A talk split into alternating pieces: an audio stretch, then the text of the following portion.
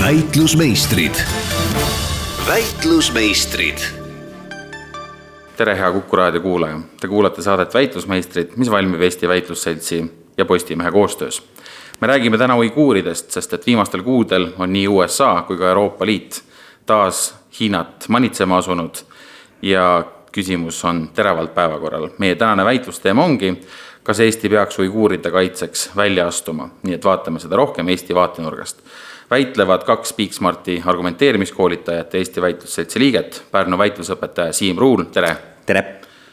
ja Terling Priimus, advokaadibüroo jurist Siim Vahtrus, tere! tere! ja hakkame pihta. võib-olla sissejuhatavalt äh, kuulajatele peaks selgitama, millest me räägime, sellepärast et tänase teemaga me läheme Eestist üpris kaugele.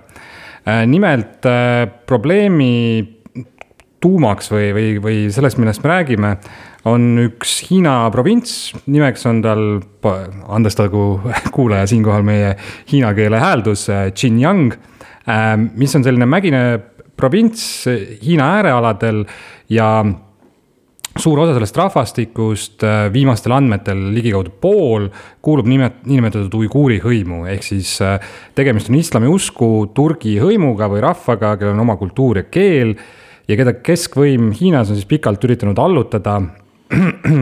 näiteks äh, äh, viimasel ajal tuues siis ettekäändeks terroriohu, tegemist on ikkagi moslemitega. ja tänasel, tänaseks siis arvatakse, et äh, kuni üks miljon uiguuri äh, on siis eraldatud ühiskonnast pandud äh, natukene sihukest, ma ei tea, ümberkasvatus või kontsentratsioonilaagrit meenutavatesse laagritesse Äh, lisaks sellele toimub ebasoovitatavate isikute kõrgtehnoloogiline jälitamine ja sundassimileerimine ning viimaste andmete kohaselt äh, hiljuti, hiljuti välja tulnud Jamestown Foundationi raporti kohaselt on lisaks siis üldisele ajupesule hakatud ka uiguuride rahvastikku piirama läbi äh, raseduse kontrollimise, steriliseerimiste ja isegi sundabortide aga et võib-olla kõige keerulisem siinjuures ähm, on see, et ega seda informatsiooni äh, väga palju sealt äh, Xinjiangi provintsist välja ei tule. et Hiina on piiranud ajakirjanike ligipääsu, lääne ajakirjanike ligipääsu sinna. Hiina oma ajakirjanikud ilmselgelt seda ei, ei käsitle selliselt. Äh, Hiina siis ei luba ka sealt provintsist välja inimesi, need, kes sealt põgenenud on, ära on läinud, et, et nende siis selliseid tunnistusi on meil võimalik, võimalik siis kuulata ja vaadata ja, ja noh, et, et on ka satelliidipilte, mis siis justkui peaks kinnitama mm -hmm. nende siis äh, sunnitöölaagrite või, või siis ka koonduslaagrite olemasolu ja äh, olgu ära öeldud, et, et noh, et, et praegu paistab küll nii, et see on ikkagi päris õudne ja, ja mõeldamatu ja seda on siis erinevad, erinevad meediaväljaanded, noh näiteks The Economist ka hinnanud kahekümne esimese sajandi kõige suuremaks siis tagakiusamiseks, inimõiguste rikkumiseks või, või lausa ka genotsiidiks. või ka siis pärast teist maailmasõda kõige suuremaks genotsiidiks, mida, mida me siis, meie ajalugu mäletab nõus, et äh, eks andmete kättesaamisega sellisel puhul on alati keeruline, et äh, ei ole vaja ajaloost kaugeid paralleele tõmmata, et mõnes mõttes on olukord sarnane sellega, mis oli äh, siin äh, Nõukogude Liidu ajal olukorraga, mis valitses Nõukogude Liidu sees.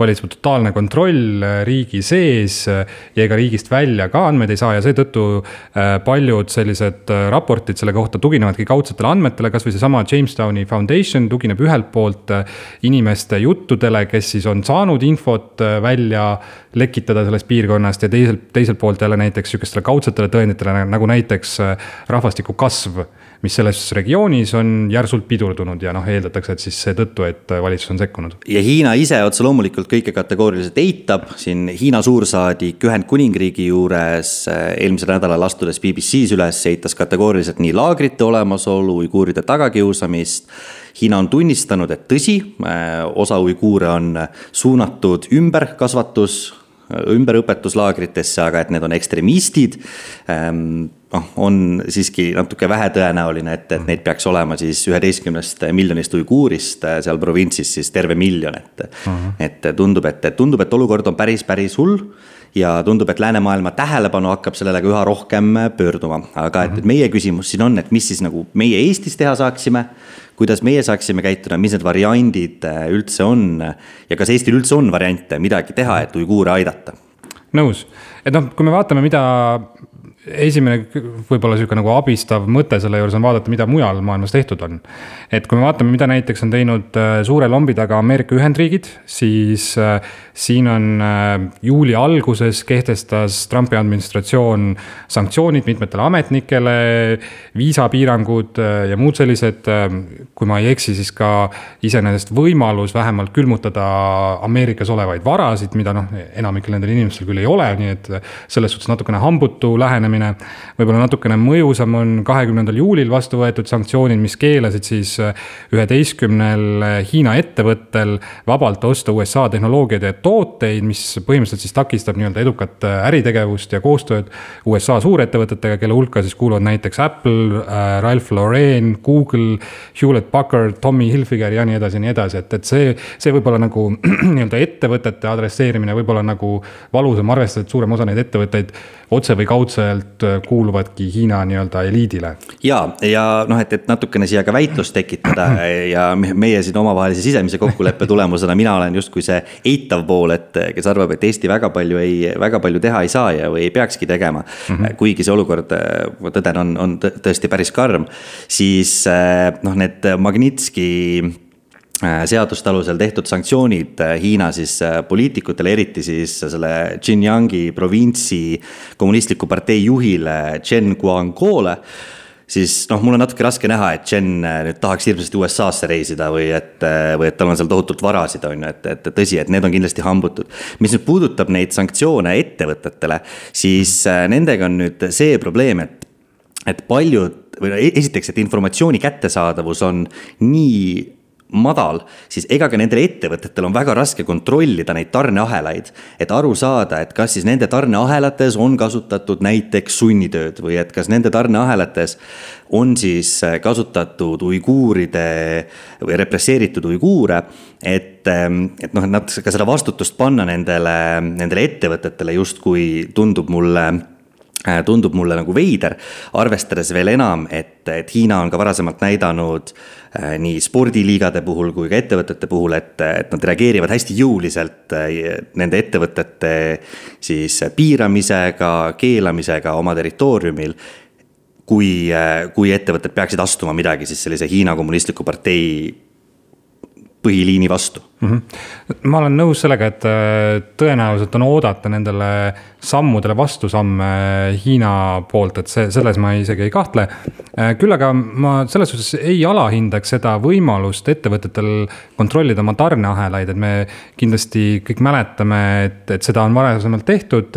siin on äh, olnud näiteks Bangladesh on olnud pikalt probleem probleemne piirkond, kus on kasutatud lapstööjõudu, kus on äh, olnud tõsiseid tööohutuse nõuete rikkumisi äh,, põlengud, vari, varisemised, kus inimesed on äh, nii-öelda tekstiilivabrikutes hukka saanud.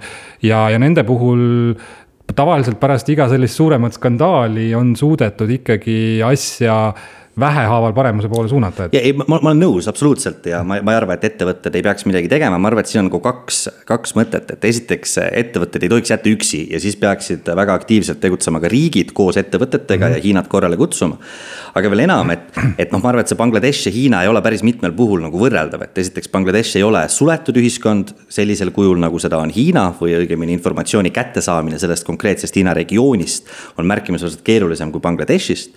et neid õnnetusi mida ka kindlasti on juhtunud uiguuridega selles regioonis, vabrikutes, tehastes, neid on kindlasti ka, aga nendest me ei loe, eks ole mm., internetist.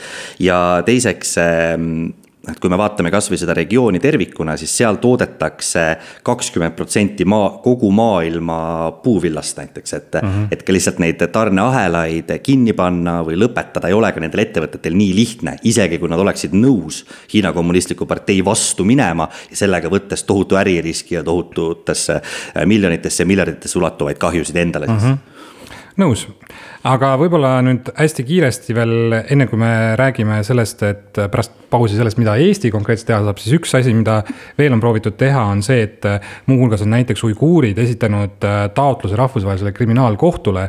et see uuriks äh, Hiina võimalikke äh, inimsusevastaseid kuritegevusi. no see, see, selle suuna me vist võime kähku maha matta, sellepärast et Hiina ei tunnusta rahvusvahelise kriminaalkohtu jurisdiktsiooni ja järelikult siin nagu see kohus võib siin uurida ja midagi tuvastada, aga lõppastmes mitte midagi ei muutu. no ja, ja sama noh, ikka sama probleem, et kui seda rahvusvahelise kriminaalkohtu jurisdiktsiooni tunnistada näiteks USA, et siis äh, ega meil ei ole ka erilist sellist moraalset äh, tuge, et, et kõik ülejäänud vaba maailm on siis kriminaalkohtu selja taga, eks ole. me tuleme tagasi pärast lühikest pausi. väitlusmeistrid, väitlusmeistrid jätkub saade Väitlusmeistrid teemal, kas Eesti peaks uiguuride kaitseks välja astuma ja lähme siit edasi. jah, ähm, kui me ennist rääkisime sellest, et mida maailmas üldiselt tehtud on, siis võib-olla järgmise asjana peakski mõtlema, mida saame me ära teha siin oma koduses Eestis. ja võib-olla esimene asi, mida tasub kuulajatele meelde tuletada, on see, et kui me räägime sanktsioonidest, olgu siis tegemist äh, kaupade vahetamise piiramisega või äh, viisasanktsioonidega, siis siinkohas tegelikult Eesti ühepoolselt midagi teha ei saa, et. et viisaruum on meil Schengenis ühine äh, kaubaturg on Euroopa Liidus ühine, ehk siis, et kui soovida Eesti poole pealt nüüd võtta sanktsioone, seda, sellist, sellist laadi sanktsioone nagu USA-s kehtestati, siis see peab käima läbi Euroopa Liidu ja, ja võib-olla kui, kui ka esimeses plokis me põgusalt seda mainisime, siis noh, tuleb ka arvestada kõigi sanktsioonide puhul ja mina väga suur sanktsiooni nagu toetaja siin ei ole, et, et Hiina siin viimastel äh, aastatel on olnud ka väga jõuline siis vastureaktsioonides. isegi siis, kui sanktsioone ennast pole kehtestatud, vaid on võetud vastu mingeid poliitilisi avaldusi või deklaratsioone. ka siis Hiina on reageerinud hästi-hästi jõuliselt ja tõenäoliselt see tooks kaasa ka väga suuri siis äh, tagajärgi meile endale, kui me neid sanktsioone või siis mingisuguseid deklaratsioone peaksime, peaksime, deklaratsioonidega peaksime välja tulema mm. -hmm. muidugi siinkohal äh, võib-olla mitte Eestist rääkides, aga kuna me räägimegi Euroopa Liidust tervikuna, ei maksa maksa unustada, et see sõltuvus on kahepoolne et äh, ka täna hommikul New York Timesi lugedes äh, märkasin, et seal oli äh, pikem artikkel sellel teemal, et, et Hiina kindlasti kavatseb võtta vastusamme viimasel ajal USA poolt tehtud sammudele. USA lisaks sellele, et nad on uiguuridega seoses kehtestanud sanktsioone, saatsid välja ka Houstonis, Texases olnud konsulaat või sulgesid konsulaadi Houstonis, süüdistades siis sealseid diplomaatilisi töötajaid intellektuaalomandi varguses.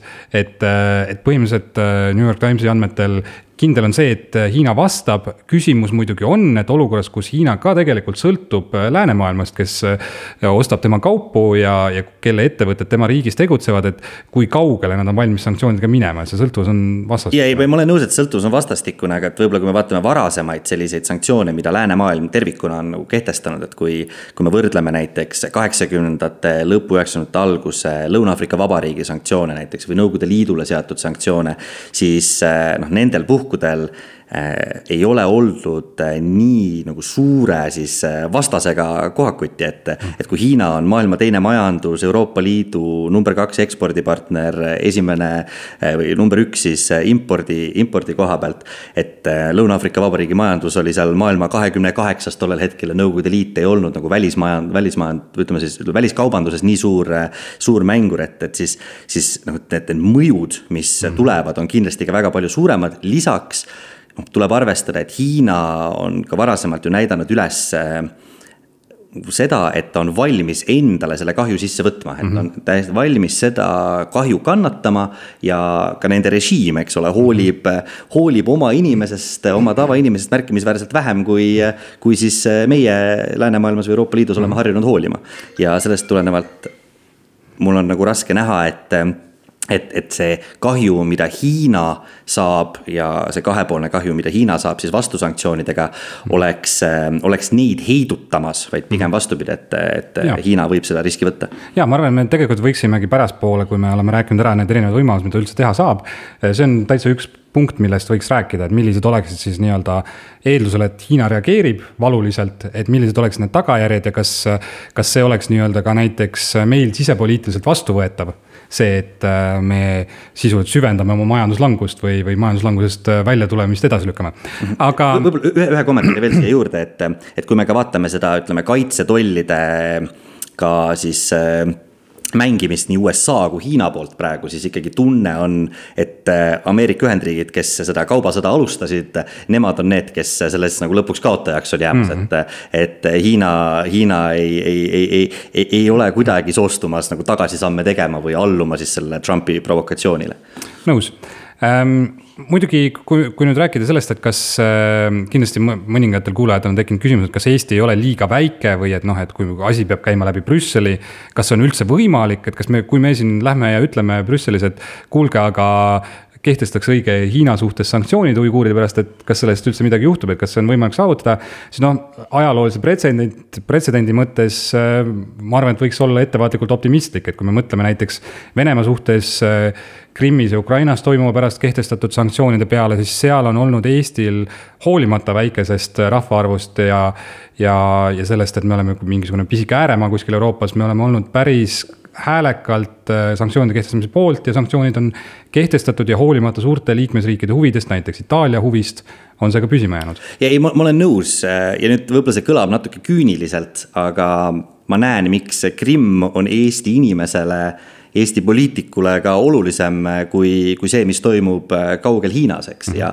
ja, ja tõesti, see ongi väga küüniline ja kui, kui kõik need andmed, mis täna on jõudnud äh, lääne meediasse, vastavad tõele ja tegemist ongi noh, sisuliselt genotsiidiga, et siis äh, siis kindlasti peaks tegutsema, ükskõik kui väike või suur me oleme. aga võib-olla palju olulisem on nagu aru saada, et mis siis meie nagu võimalus edule Euroopa mm -hmm. Liidus on, et selliseid poliitilisi deklaratsioone on Euroopa Liidu riigid ka varasemalt vastu võtnud mm. -hmm. koos USA-ga eelmise aasta oktoobris mindi ju ÜRO-sse, et äh, ÜRO siis äh, peaassamblee võtaks seisukoha ja, ja ütleks Hiinale, et, et tema tegevus ei ole ei ole kuidagi vastuvõetav, aga see on kogu aeg takerdunud eh, siis eh, teiste riikide vastuseisu, et kui me vaatame kasvõi Euroopa Liitu, siis Ungari on eh, kogu Hiina siis sellise vöö ja teepoliitika ju peamisi tugipunkte. Poola taasvalitud president Duda on Xi Jinpingiga lähedastes suhetes, samamoodi Tšehhi president Miloš Zeman, et, et mulle tundub, et Visegradi riigid pigem ei toeta seda, et Euroopa Liit mingisuguse ühise seisukoha võtab. nõus, nõus, et selles suhtes ma olen sinu analüüsiga nõus, et et ei ole päris äh, lihtne ja õige võrrelda Venemaad ja Hiinat äh, Krimmi ja uiguuri küsimustes, sellepärast et äh, lisaks nimetatud Visegradi riikidele on ka kindlasti teisi suuremaid Euroopa Liidu riike, kellel on ähm, suur huvi Hiinaga hästi läbi saada. võtame taaskord Itaalia või näiteks Kreeka, kelle, kellega puhul on Hiina oluline partner. võib-olla ka kiirelt ära mainida veel kaks tööriista, mida Eesti saab kasutada nii-öelda ühepoolselt. esimene puudutab küll sihukese huvitava uitmõttena äh, riigihankeid, et äh, hiljaaegu kirjutati äh, taaskord New York Timesis, et muuhulgas sunnitakse uiguure näiteks to tootma meditsiinilist kaitsevarustust, et kui me siin näiteks sügisel hakkame või suve käigus hakkame siin hoogsalt uuesti maske ja kitleid varuma, et kindlasti tuleks kasutada seda võimalust, mida riigihanke seadus meile annab ja, ja mitte osta, kõrvaldada pakkumiselt need äh, ettevõtted, kus toimuvad inimõiguste rikkumised. ja teine võimalus on siis äh, diplomaatilisi noote teha, seista jõuliselt vastu Hiina soovile saada Äh, ÜRO Inimõiguste Nõukogu liikmeks ja muud sellist. ja ei, ma olen nõus, et Hiina ei peaks olema ÜRO Inimõiguste Nõukogu liige, aga noh, samal ajal mulle tundub ka natuke küüniline, et okei okay,, et me siis sellest Xinjiangi provintsist uiguuride tehtud maske ei osta, aga Hiinas tehtud maske siis lõpuks ostame, sest kus me neid muidu ikka ostame? See on tõsi. väitlusmeistrid tulevad tagasi pärast pooltunni uudiseid. väitlusmeistrid, väitlusmeistrid jätkub saade Väitlusmeistrid teemal, kas Eesti peaks uiguuride kaitseks välja astuma ja väitlevad Siim Ruul ja Siim Vahtrus Eesti Väitlusseltsist, olge head. nüüd saate esimeses osas me jõudsime vististi nii kaugele, et ähm, et oleme kokku leppinud, et on mehhanisme, mida Eesti saaks teha ja on teid, kuidas Eesti saaks ka näiteks läbi Euroopa Liidu Hiinat mõjutada ja miks mitte ka see Siimu idee äh, päris, päris eelmise ploki lõpus äh, riigihangetel vaadata, et kust ja, ja mismoodi me oma siis kaupa Hiinast hangime. aga et võib-olla nagu olulisemgi on, oleks nüüd analüüsida seda, et, et mis nende mehhanismide reaalsed kasud või kahjud võiksid olla. et kas siis sellest, et Euroopa Liit nüüd näiteks sanktsioneeriks sarnaselt Krimmi sanktsioonidele siis ka Hiinat siis uiguuride kohtlemise pärast et kas sellest oleks siis uiguuridele mingit kasu ja mis kasusid siis veel meile endale võiks sellest tulla, kui me, kui me neid sanktsioone teeksime, et. et mina olen küll nüüd nagu seda meelt, et, et mul on väga raske näha, kuidas Hiina hakkab nüüd oma käitumist uiguuride suhtes muutma. et ükskõik, millised on need Euroopa Liidu äh, poolsed sanktsioonid, vahet ei ole, kas Eesti on see eestvedajariik või ei ole. et äh, ega ju ka Venemaa ei ole ennast lastud ülemäära heidutada nendest sanktsioonidest, mis Venemaal on tehtud, ma arvan, et Hiina on veel paremas seisus, veel tugevamas seisus maailmas. ja kui me ka vaatame seda, mida Hiina on rahvusvahelises poliitikas tervikuna äh, suutnud äh, või kuidas Hiina on suutnud ennast rahvusvahelises poliitikas kehtestada, et kui eelmisel aastal, äh, ma põgusalt ennist mainisin ka, mindi ÜRO Peaassamblee ette, siis Hiina korjas oma selja taha kaheksakümmend riiki, kes Hiinat tulihingeliselt toetasid, kellest enamik olid moslemiriigid, kes -hmm. ütlesid, et uiguurid uiguuridega ei ole midagi valesti ja Hiina, Hiina ei tee mitte midagi valesti. jah, ma tunnistan, et, et nii on, et, et kui me vaatame rahvusvahelist praktikat sanktsioonide kohta, siis seesama juba mainitud Krimmi ja Venemaa näide viimasest ajast näitab, et kui sisuliselt sanktsioneeritakse suurt riiki, kellel on ütleme niimoodi, et tugev majanduslik seis ja, ja, ja, ja sanktsioonid ei ole nagu ülemäära laiaulatuslikud ja laiaulatuslikud nad ei saa olla ka Hiina suhtes, sellepärast et see hakkab meile endale äh, väga valusalt kätte maksma.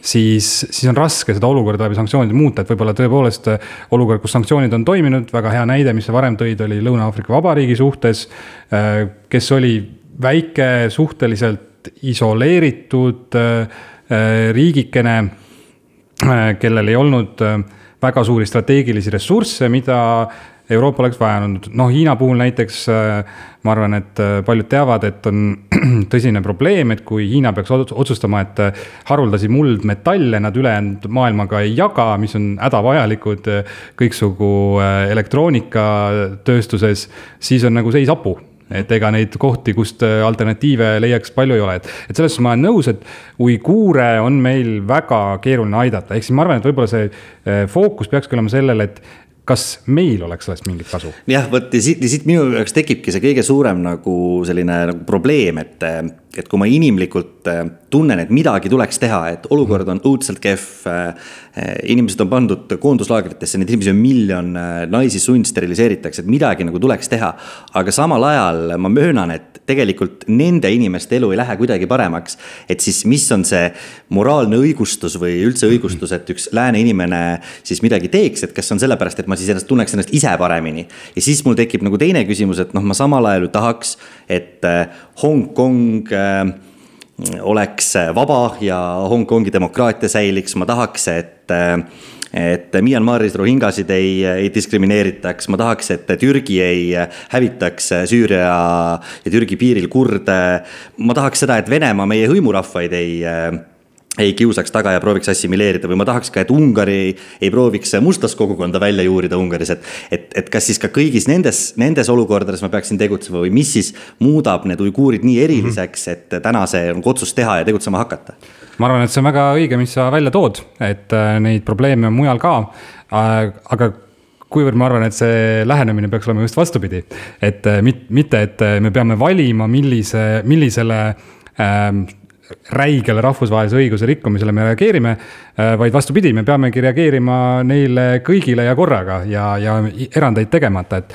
et mõnes mõttes võiks, võib öelda, et selline, kui sa tõsimeeli tahad kaitsta sellist nii-öelda teise maailmasõja järgset ilmakorda, äh, mille osaks on siis see, et äh, riigid on küll suveräänsed, aga nad oma suveräänsuse piires ei tohi äh, toime panna inimsusevastaseid kuritege-, tege-, tegusid, siis selle eest seismine on natuke nagu rasedus, sa ei saa olla natukene rase ja natukene seista inimõiguste eest ja, ja, ja selliste inimsusevastaste kuritegude vastu võidelda. ja ei, ma, ma olen nõus, see ju teoorias on ju kõik õige jutt ja ma ju või esseed kirjutas, esseed kirjutaks, kirjutaksin, siis ma ole, ma oleksin sinu nagu ideega, paneksin selle ise ka kirja. aga nüüd praktikas see ju päriselt nii ei toimi. selle jaoks, et viia läbi üks muutus, mul on vaja poliitilist kapitali kuskilt, kuskilt hankida, samal ajal kui ma teise muutuse ka, ka endaga siis kaasa toon või et, et teise, teise sanktsiooni kuskil teises kohas kehtestan, siis jällegi see toob omakorda kahju ja ühel hetkel inimesed väsivad ära, noh, samamoodi nagu Itaalia inimesed ei saa täna aru,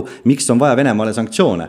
Ungari vastupidi võitleks selle eest, et Venemaal ei oleks mingisuguseid sanktsioone, et Orban ja siin seltsimees Putin on head sõbrad, et mul on, mul on natuke tunne, et me ei saa kõiki asju samal ajal teha ja see ongi see paratamatu probleem nende inimõiguste eest seismisel. et kui me saame nende sanktsioonidega ise kahju, mida me tõenäoliselt ka saame, kui me Hiinat peaksime kuidagi korrale kutsuma, siis äh, et kas me peaksime valima uiguurid selleks äh, tähelepanu keskpunktiks ja selleks äh, oma sihtmärgiks nii-öelda või siis on, on, on mingisuguseid paremaid kohti, kus on võimalik ka mingit tulemust saavutada, et äkki näiteks on meil võimalik Hongkongis siiski midagi saavutada, sest et uiguuridega me seda tulemust ei saavuta mm. -hmm.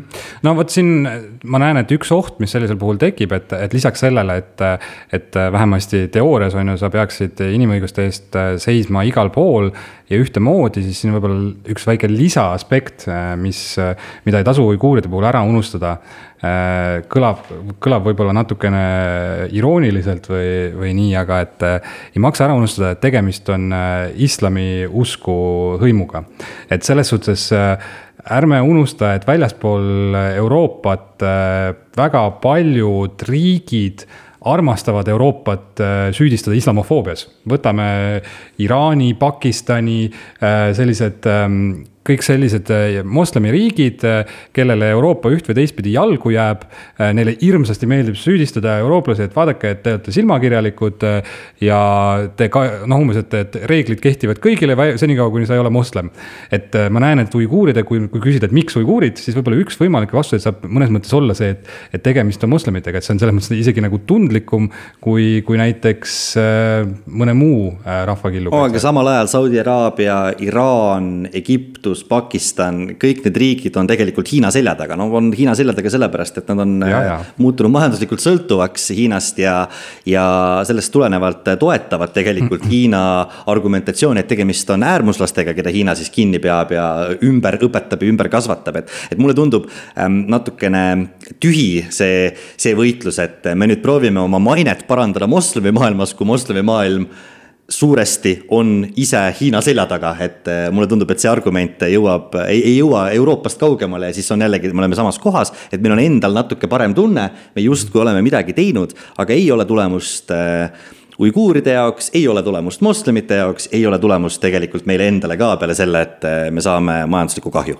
muidugi sa ülehindad, ma arvan, siinkohal seda, kuivõrd järjepidevad on erinevad riigid rahvusvahelistes suhetes, et ma arvan, näiteks Iraani või äh, uh, näiteks Saudi Araabia jaoks ei ole mitte mingit probleemi olla ühe hetkel Hiina selja taga ja pigistada silm kinni uiguuride küsimuses senikaua, kuni tegutseb Hiina. ja samal ajal visata nina peale Euroopale seda, et miks te uiguuride kaitseks midagi ei tee. ja ei, noh, absoluutselt, võib-olla lihtsalt, ähm, et mulle tundub, et, et nende riikide majanduslik sõltuvus Hiinast on süvenev trend, mitte mm, -hmm. mitte vastupidi, et Hiina investeerib miljardeid, kümneid miljardeid dollareid iga-aastaselt Äh, selleks, et äh, avada endale uusi kaubateid Euroopasse mm. -hmm läbi Aafrika mm -hmm. Lähis-Ida riikide. ja veel enam, eks ole, et miks, miks paljud nendest riikidest ei ole ju kõvasti sõna võtnud, on sest, et nad ise rikuvad ka inimõigusi täpselt sama palju või, või veel rohkem. siinkohal muidugi võib-olla natukene nüüd äh, poolnaljaga, aga, aga siiski, siiski ähm, sellest aspektist võib-olla see ei olegi ju nii suur kahju kui Hiina tahab Euroopasse suunatavaid investeeringuid vähendada, sellepärast et vastasel juhul me paneme ennast äh, varsti samasse situatsiooni, kus täna on need eelmainitud. kes enam Hiina suhtes midagi ei julge öelda. ja eks noh, ega me juba täna ei julge, sellepärast ei julgegi, et me oleme juba täna nii, nii sõltuvad ja sellepärast ka need meie reaktsioonid on nii hambutud olnud mm. -hmm. et, äh, et tõsi, et ma olen nõus, äh, keeruline on, on midagi saavutada, võib-olla nüüd pärast pausi peaks mõtlema selle peale, et kas meie inimeste selline nagu sisemine veendumus on ka miskit väärt ja kas selle kaudu meil oleks ka võimalik eh, miskit paremaks teha mm. -hmm. ja seda arutame pärast viimast lühikest pausi. väitlusmeistrid, väitlusmeistrid ja ka viimane veerandtund saates Väitlusmeistrid, teemaks on täna, kas Eesti peaks uiguuride kaitseks välja astuma ja palun, Siim. Jah, seekord siis mina, Siim mm. -hmm. me oleme siin nüüd rääkinud sellest, et mida on võimalik ära teha Eesti riigil ja, ja kuidas see võiks mõjuda ja kas selleks võiks olla mingisugust õigustust ja, ja millised võimalikud praktilised takistused selle juures tekivad. ma arvan, et võib-olla viimases plokis võiks alustada sellest, et mõelda korra, mida on võimalik teha Eesti inimesele, et noh, kui me ütleme, et situatsioon ei ole okei okay, ja riigi poolt võetavad meetmed võivad tuua kaasa väga halbu tagajärgi selle näol, eriti just majanduslikke tagajärgi. vastureaktsiooni Hiina poolt, et äkki saab midagi teha ära eraisik, et noh, üks asi, mida tänapäeva Eesti ühiskonnas tihti tehakse, on avalik protest, minna plakatiga Toompeale, nõuda, et äh, valitsus võtaks samme ette. mis sa, Siim, sellest arvad? no ma, mul on nagu natukene raske näha, et Eestis nüüd uiguuride kaitseks, kui ma siin äh, ka meediat loen, et, et võib-olla viimased äh, kaks-kolm kuud on välismeedias uiguuride teema olnud väga kuum, kirjutatud iga päev, iga nädal midagi uut, siis Eesti meedias siin õnnestus viimase nädala kohta võib-olla kaks, kaks väikest nagu arvamust leida, on ju, millest. millest üks on Urmas Reinsalu arvamus sellest, et Eesti pole veel otsustanud, kas Hiina järgib piisavalt inimõigusi või mitte, et. et mulle, mul on nagu seda, seda nagu raske näha. võib-olla minu kõige suurem ja, ja ma olen nõus, et iseenesest inimesed saavad ka mõjutada ja muuta ja ja, ja inimeste nagu arvamustel võib, võivad olla tagajärjed äh, ka Hiina-suguse suure riigi jaoks. et kui me ühel hetkel kollektiivselt otsustame, et, et me oleme rohkem teadlikud sellest, et kust tuleb meie kaup ja äh, mida me täpselt ostame ja kes selle kauba teinud on, et siis, äh, siis paratamatult peavad ka tootjad oma, oma praktikaid muutma.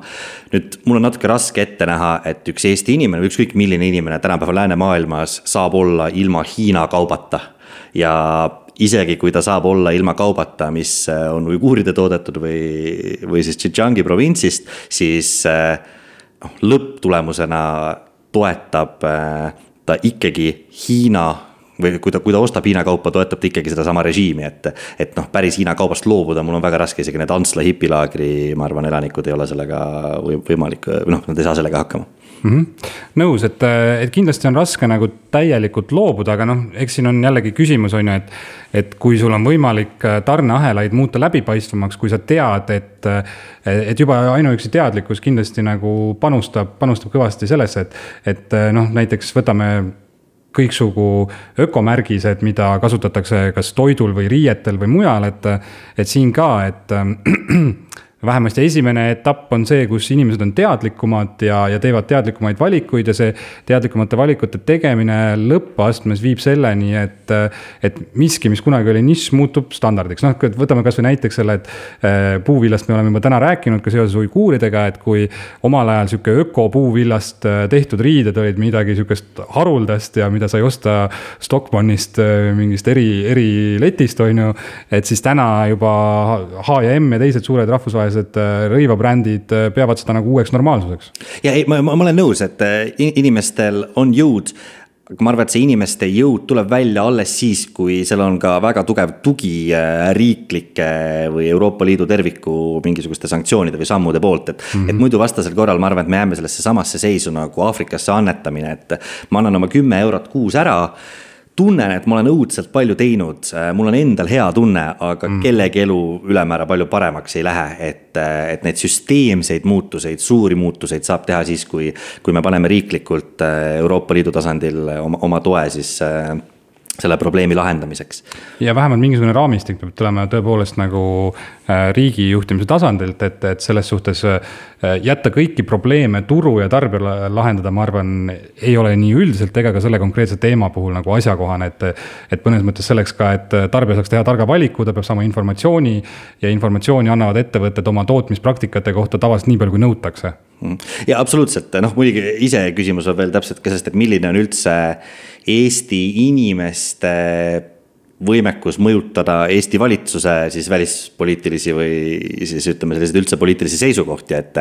mul on nagu täna natukene raske näha, et valitsus, mis on olnud väga tugevalt samas leeris äh, Tšehhi, Poola ja Ungariga, äh, kes, kes on tugevalt Hiina selja taga või vähemalt Ungari tugevalt Hiina selja taga, siis äh, võtaks suureks agendaks tegeleda uiguuride probleemidega, et isegi kui meile võib-olla ideoloogiliselt see võiks olla väga siis terav ja oluline küsimus sellepärast et see laagrite süsteem, mis on üles seatud, on noh, kui, kui mitte samasugune, siis väga sarnane sellega, mida Nõukogude Liit Gulagi süsteemiga tegi.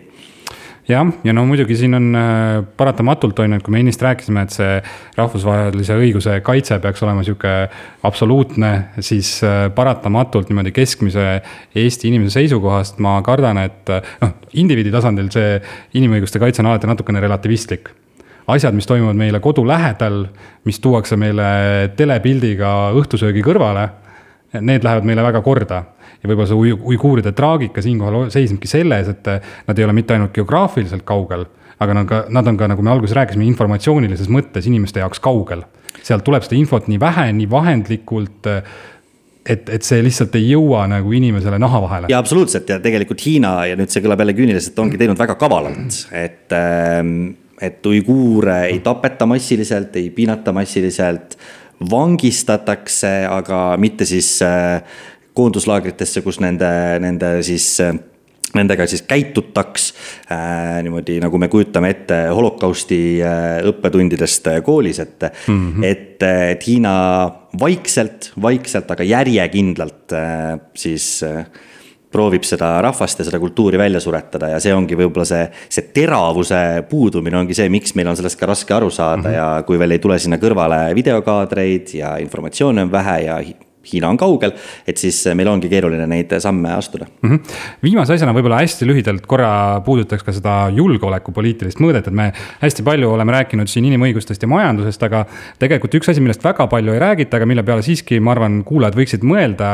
või kõik, kes teemast eh, vähegi kuulnud on, võiksid täiendavalt mõelda, on see julgeolekupoliitiline mõõde, et, et eh, lühidalt sisse juhatades, et et meie tänane julgeolekugarantii on ju eelkõige Ameerika Ühendriigid Äh, mõnes mõttes nüüd, kus Ameerika Ühendriigid lõpuks on asunud tegutsema suhteliselt otsu-, noh, suhteliselt otsustavalt või vähemasti retooriliselt äh, hakanud tegutsema selle probleemiga äh,. tundub ühelt poolt loogiline, et kindlasti peaks äh, haarama võimalusest äh, ja avaldama toetust. kui täna Trumpi administratsioon tahab kehtestada äh, uiguuride pärast sanktsioone, hüppame pardale, kehtestame meie ka. vot ähm, sellel väitel on üks minu meelest vigane eeldus, et Trumpi administratsioon ja Donald Trump tahaks äh, uiguuride kaitseks midagi teha.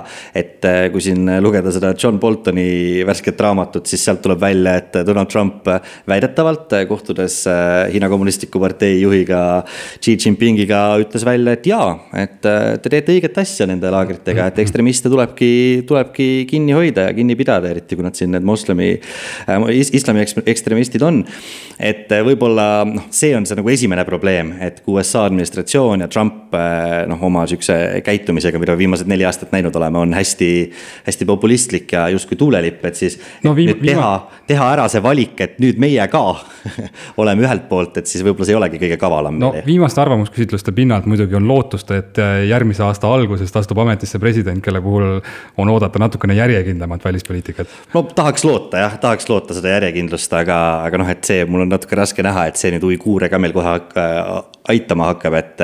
et mul on nagu raske näha, et kui, kui peaks juhtuma, et Joe Bidenist saab järgmine Ameerika Ühendriikide president. ja Eesti siis oma esi, esimeseks nagu sõnumiks võtab uiguuride kaitse, et siis midagi väga juhtuma hakkab, et raske, raske näha seda jah, ja võib-olla lihtsalt mõtte välgatuse korras tegelikult teine põhjus võib-olla, miks siiski mitte välja vihastada Hiinat, on niisuguses väga suures globaalses mõõtmes äh, mõte sellest, et kas Hiina mitte ei võiks olla mõnes mõttes tasakaalustavaks jõuks Venemaale, kes on meil siin kohe ukse taga.